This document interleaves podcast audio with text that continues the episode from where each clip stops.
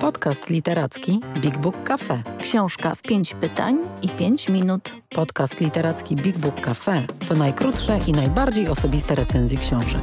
Co dwa tygodnie rozmawiamy o jednej. Pytamy wprost, a odpowiadamy szybko I szczerze.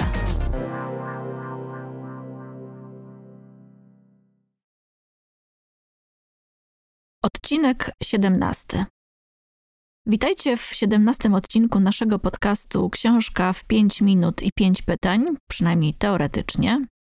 Dziś Paulina Wilk, poważna gaduła, odpowie maksymalnie krótko na moje pytania o książkę Roberta Byrona pod tytułem Europa w zwierciadle.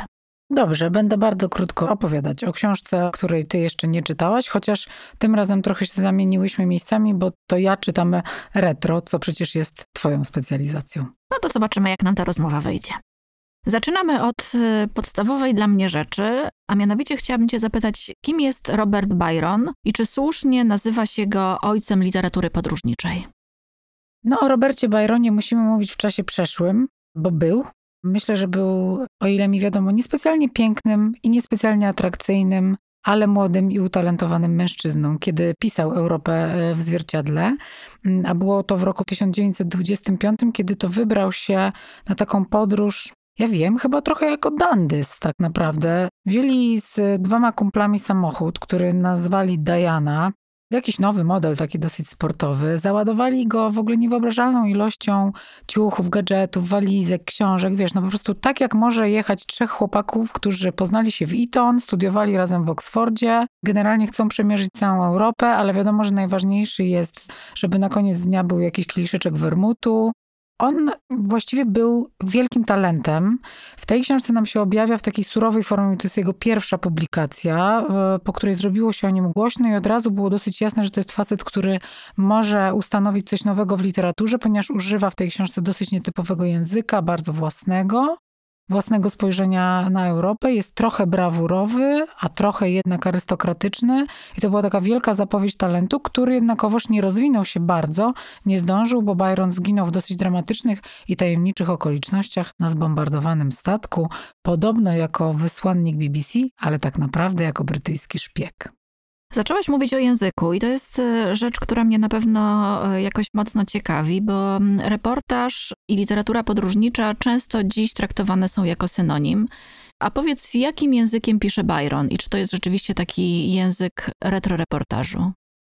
No na pewno to nie jest język już codzienny e, i taki nie jest już dzisiejszy. W ogóle ta książka wydana przez wydawnictwo Próby jest też utrzymana w takiej stylistyce. Ma grzbiet płócienny, zakładeczkę, wszystko jest jak w starej e, literaturze i w starym stylu. Rzeczywiście trochę tak jest. Ten język jest dziwny. Jest z jednej strony niesforny, taki powiedziałabym nieuregulowany. To są bardzo nieuczesane myśli młodego człowieka, który w ogóle dopiero zaczyna i próbuje. Próbuje siebie w oglądaniu świata i Europy, bo oni jadą sobie z tego Londynu przez Hamburg, przez Berlin, podróżują aż do Grecji tym samochodem. Oczywiście są tam świetne historie o tym, jak on nim się ciągle psuje. Tutaj tulejka, tutaj gazik, tu coś. No jest w ogóle dramat, bo to są jednak wypieszczeni chłopcy z zamożnych domów, więc no dramatem jest przebita opona, tak? To to jest ta skala, że tak powiem, emocji, która się pojawia w tej opowieści, ale język jest dziwny. Naprawdę jest zaskakujący. To znaczy momentami opisy są bardzo skondensowane, on jest bardzo lakoniczny. Właściwie się nie certoli z rzeczywistością.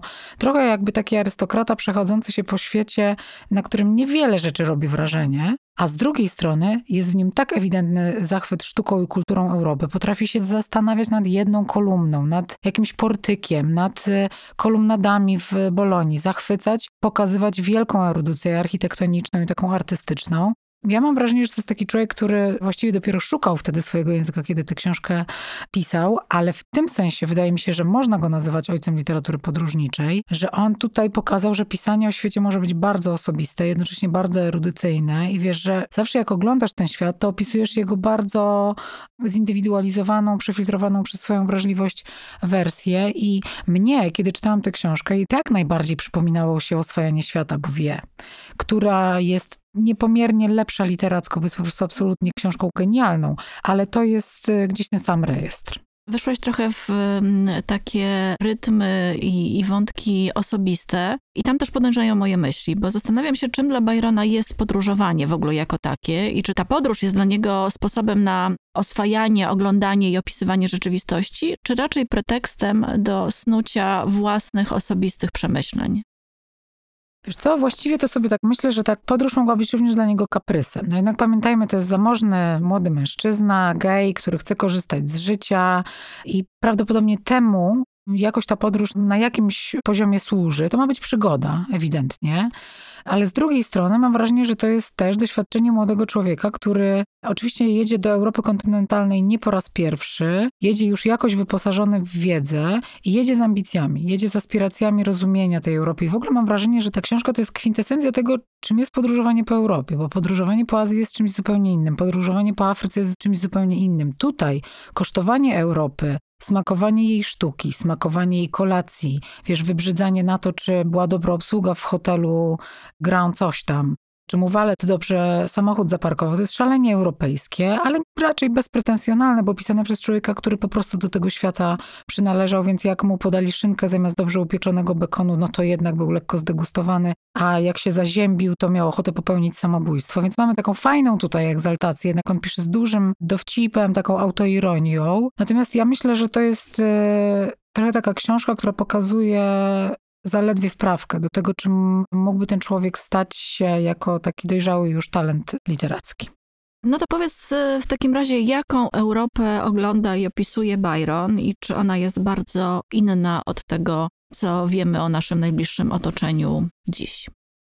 Właściwie to współczesna Europa zaczyna upodobniać się do tamtej, bo wracają granice. No oczywiście w takim podróżowaniu samochodowym to jest największa upierdliwość. To znaczy są fantastyczne historie o tym, jak oni utykają na przykład w jakiejś górskiej granicy, próbują wjechać do Włoch. Włosi kompletnie nie mówią po angielsku, ci nie mówią po francusku, nikt nic nie rozumie. Włosi są strasznie upierdliwi nie chcą im zaakceptować jakiegoś dokumentu podróży źle wystawionego. Trzeba wydzwaniać do ambasady, czekać godzinami, nie ma połączenia, zrywa połączenie. Jest mnóstwo takich kiksów międzykulturowych. To znaczy, absolutnie czujemy przez całą tę podróż, że te kraje nie są takie same. Ci ludzie się nie znają bardzo dobrze. Nie ma żadnego lingua franca, które cię, wiesz, kompletnie z łatwością przenosi przez ten świat. Są różnice, są detale, są drobne złośliwości, są dowcipne zjadliwości pomiędzy narodami, które się niekoniecznie kochają, mają masę swoich zaszłości historycznych, ale jest też w tym wszystkim wielka historia, jakiś rodzaj, mam wrażenie, na poziomie kulturowym współpracy, wymiany i też czuć taką płynność i ciągłość e, krajobrazu. Natomiast to jest Hmm. W jakimś sensie książka pisana, wiesz, bez takiej staranności, żeby nam bardzo ładnie opowiedzieć tę historię. On sobie pisał z dezynwalturą. On właściwie to robił chyba bardziej dla siebie. Tak mu wyszło i okazało się, że wyszło genialnie. Ale są w tej opowieści też takie cienie współczesne. Na przykład jest opowieść o uciekinierach ze Smyrny, o imigracji, więc są takie te cienie, które też nam znowu wyłażą, podobnie jak wyłażą nam granice i podziały. No, jest to świat sprzed 100 lat właściwie już w tej chwili. Po co czytać o Europie sprzed 100 lat? Czy ona, czy ta wiedza i ten opis świata, który minął, może nam się na coś dzisiaj przydać? Dlaczego sięgnęłaś po tę książkę? Wiesz co, w sumie dla mnie ta książka jest takim przypomnieniem, czym jest Europa właśnie w wymiarze takim kulturowym, ale też krajobrazowym i podróżniczym. Mam wrażenie, że my bardzo często patrzymy na nią jak na jakąś prozaiczny taki kawałek świata, który w sumie nie budzi naszych wielkich y, zachwytów, a jednak to jest skompresowana na niewielkim terytorium wielka, no nie wiem, taka paka bogactwa kulturowego, artystycznego, gdzie nigdzie na świecie nie ma takiego wyrafinowania, takiego wyrobienia, takiego przywiązania do, do szczegółu, do tego, w co ubrany jest kelner, który coś ci podaje. Właściwie muszę powiedzieć, że chociaż pochodzę z zupełnie innej grupy ekonomicznej, klasowej niż Byron, z innej już rzeczywistości, to w jakimś sensie to jest fajny sposób na wytropienie w sobie na powrót Europejczyka. Bardzo Ci dziękuję za tę krótką, udało się, recenzję, ale bardzo interesującą, inspirującą. Tak sobie myślę, że rzeczywiście to jest opowieść o tym, jak e, kilkadziesiąt, tutaj już prawie 100 lat temu, poznawało się świat, będąc młodym, i ta Europa była takim wyznacznikiem w ogóle światowości i tego, co można o świecie otaczającym się dowiedzieć. E, nie wiem, czy bardzo szybko, ale myślę, że kiedyś sięgnę po tę książkę, więc znajdzie się na moim stoliku. Dzięki.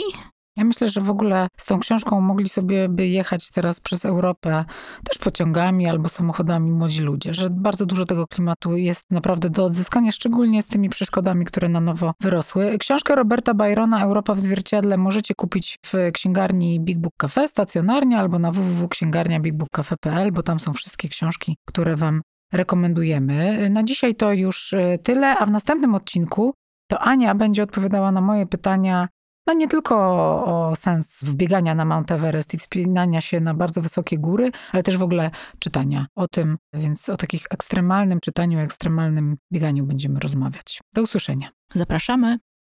Więcej o książkach opowiemy Wam osobiście, jeśli odwiedzicie Big Book Cafe, czyli księgarnię, kawiarnię i Centrum Wydarzeń Literackich. Wejdźcie na bigbookcafe.pl lub odwiedźcie nasz profil na Facebooku. Big Book Cafe. Czytam, Gadam. żyję.